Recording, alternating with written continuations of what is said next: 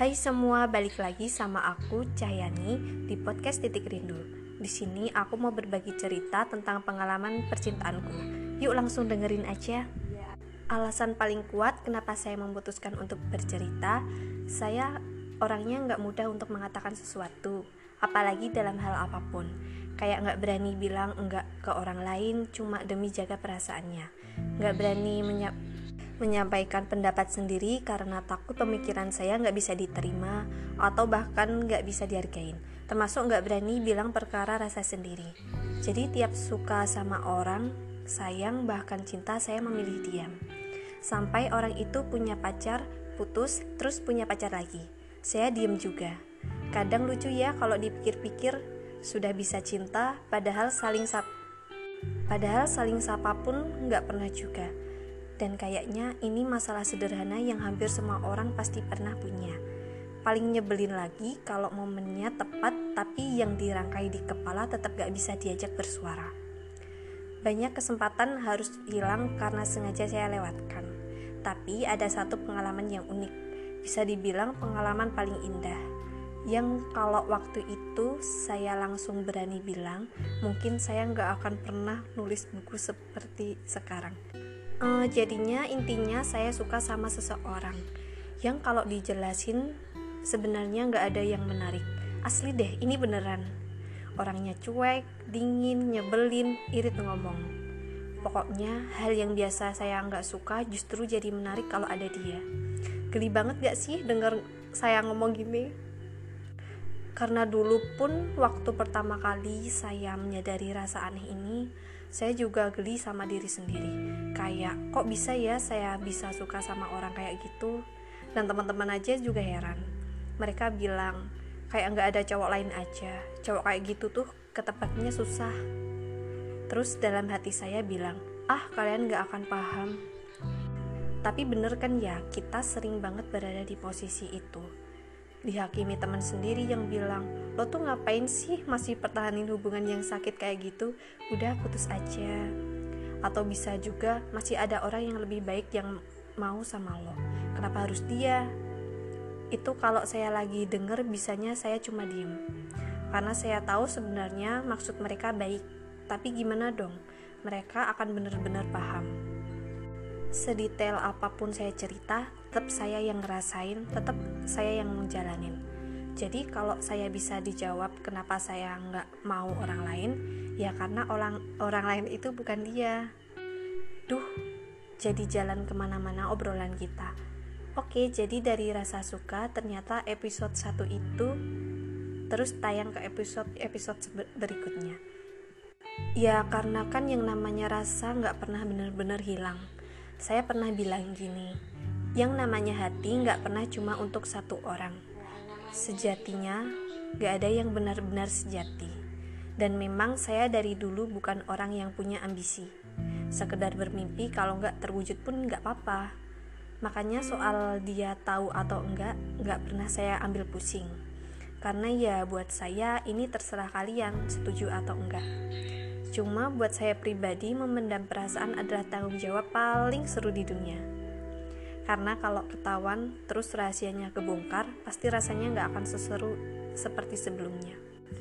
Dan memang nggak semua rahasia bisa diceritain sama orang. Ada beberapa yang diciptakan untuk kita cuma jadi angka satu yang berdiri kokoh tapi sendirian. Cuma sehebat-hebatnya seseorang menyimpan sesuatu pasti ada rasa nggak nyaman. Kayak lagi bohong aja gitu, nggak tenang. Saya jadi kepikiran terus bukan ke dianya, tapi ke diri saya. Saya merasa menghukum diri saya sendiri cuma karena saya suka sama dia. Akhirnya saya sampai ke fase di mana saya mikir gimana caranya saya bilang tanpa perlu dia dengar. Gimana caranya kasih tahu dia tanpa perlu langsung dia tahu? Satu-satunya jalan keluar adalah dengan bercerita. Bisa dibilang jalan pintas paling cupu. Sebab saya justru menyimpannya di salah satu tokoh yang yang paling bisa mengerti dengan segala macam bentuk teka-teki yang sengaja saya buat sulit untuk dipecahkan. Ya, dari mana saya harus langsung bilang di depan mukanya? atau mungkin uh, atau sebenarnya lebih baik saya itu bilang langsung ya uh, karena menyimpan sesuatu sama aja pergi menuju jalan buntu. Paling ketemu sama sesal dan kembarannya si kesal. Mungkin sampai kapan pun dia nggak akan pernah tahu kalau ada seseorang yang nggak pernah dia lihat tapi sudah menuliskan sebuah buku.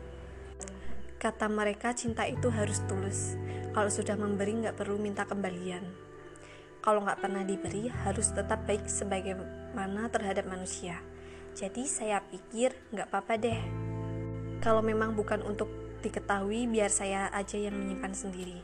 Dan jika selamanya perasaan ini cuma bisa jadi rahasia, biar saya nikmati ceritanya. Tapi ada pelajaran kecil dari cerita sama temen. Dari situ saya belajar Tiap manusia berhak untuk berbicara apa pun dan manusia lain juga berhak dan manusia lainnya juga berhak untuk menjawab apa pun. Dari dulu saya nggak pernah berani bilang enggak ke orang lain. Ternyata saya juga nggak siap untuk dengar kata-kata enggak dari orang lain. Dan ini hal manja yang harus mulai didewasakan. Karena yang namanya penolakan itu biasanya eh, bahkan kata tidak itu sebenarnya baik tergantung dari kacamata kita memandangnya. Coba bayangin, kalau kita dari dulu bilang enggak, mungkin sampai sekarang saya sudah melanjutkan perjalanan ini lebih jauh lagi. Jadi kalau kamu masih menyimpan rahasia seperti itu, saya sampaikan. Kalau kamu belum berani, doakan. Karena waktu nggak mau menunggu kita. Jangan terlalu lama di tempat. Ada yang terbaik yang siap menjemput kita di depan. Begini, Barangkali hidup adalah doa yang panjang dan sunyi adalah minuman keras. Gak perlulah kita tanya apa maksudnya, biar masing-masing kepala kita yang memaknainya sendiri. Dan kebetulan bait itu memang sering saya jadikan obat ketika rasanya hidup lagi berantakan. Kayak mau dirapikan tapi bingung harus mulai dari mana. Kayak pecahan kaca yang entah lebih baik disatukan kembali atau mending dibuang saja. Tapi bait-bait itu seperti kembali memanusiakan saya, seperti menempatkan saya di sebuah ruangan khidmat secara im impulsif, seperti segala rasa jadi sama levelnya. Memang begitu kan jadi manusia, gak perlu masalahnya bisa selesai, gak perlu mimpinya sampai tercapai, sekedar hidup yang damai. Perut dan kepala bisa diajak santai. Doa mau diisi harapan apa lagi? Sebab jika belum ada orang untuk pulang, ada ranjang buat titip sembahyang. Manusia kan memang cuma untuk singgah dan sanggah, untuk terlintas dan terlindas, untuk abai dan abadi. Eh, sampai mana kita tadi? Apa masalah yang biasa sudah selesai menjajah? Atau justru minta kita untuk mengalah? Kalau ngomongin masalah, saya jadi keinget dengan manusia hmm, yang pernah jadi bagian di hidup saya yang entah sayangnya atau alhamdulillahnya sudah nggak ada di dunia saya. Jadi waktu itu saya lagi di titik lelah dengan semua arah yang udah saya turutin kemauannya, tapi nggak juga bawa saya ke tempat yang saya butuh. Ketika semua rasa salah, saya merasa bahwa apa yang ada di depan tuh salah. Salah alamat, salah langkah, salah jalan, salah semuanya Terus dia datang dan bilang, gak apa-apa nanti kita juga bakal menikah dengan masalah. Kelihatannya beda padahal sama aja. Paling yang buat beda musik latarnya. Memang mau gimana lagi, kabur ke kuburan bisa nggak dengar apa-apa. Uh, saya tuh kalau dia udah ngomong gitu rasanya mau pukul kepalanya, mau nutup mulutnya biar nggak usah ngomong. Kalimat Kalimat itu seperti anak panah yang sengaja ngerjain saya, yang ju yang juga memanusiakan saya dengan cara sendiri. Tapi memang ada benarnya juga. Masalah bukan untuk diselesaikan ternyata, tapi untuk diterima. Supaya kita nggak lagi bisa bedain mana yang masalah, mana yang bukan. Hidup tanpa peduli mana benar dan mana tidak benar itu jenis hidup yang saya butuhkan. Karena buat saya, terbebas dari masalah bukan jalan keluar tapi cuma untuk mengalihkan keterasingan.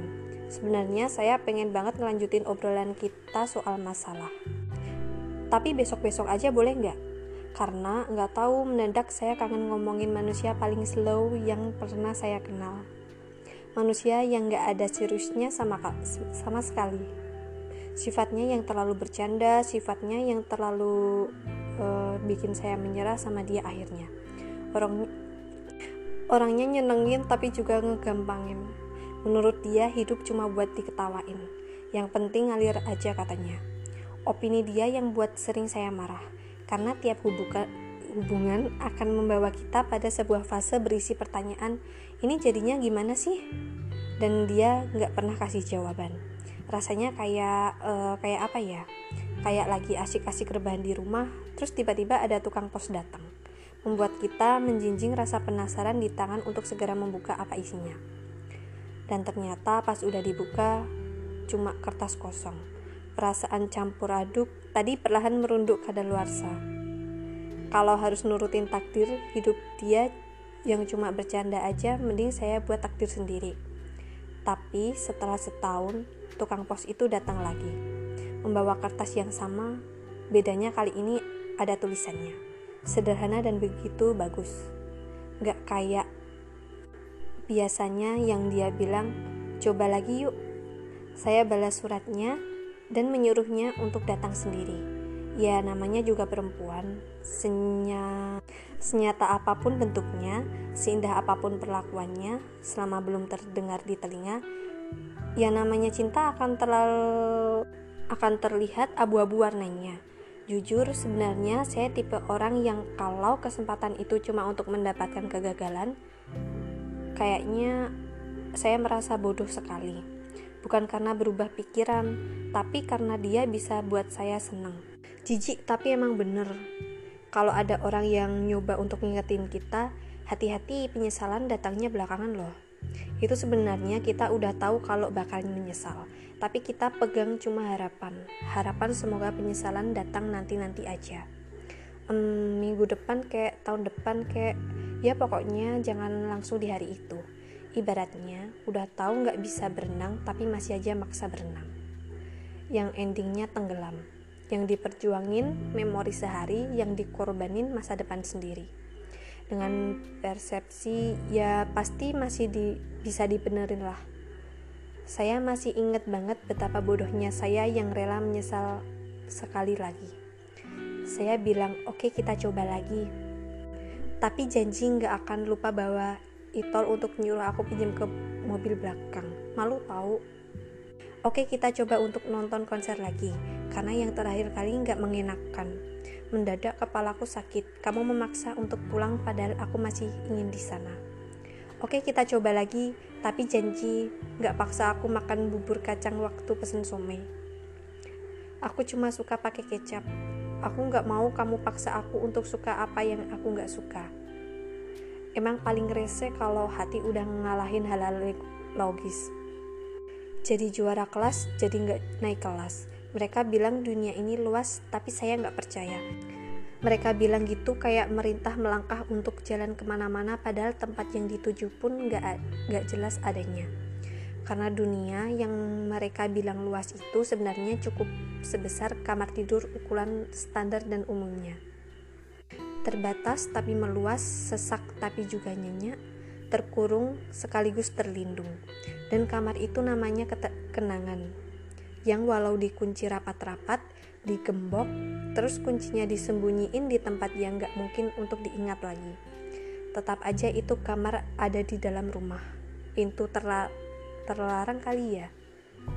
Dunia memang gak seluas yang mereka bilang, karena sejauh dan selama apa pun kita berjalan, ada titik ujung yang membuat kita bicara dalam hati sendiri bahwa kita ke mana-mana untuk tidak ke mana-mana.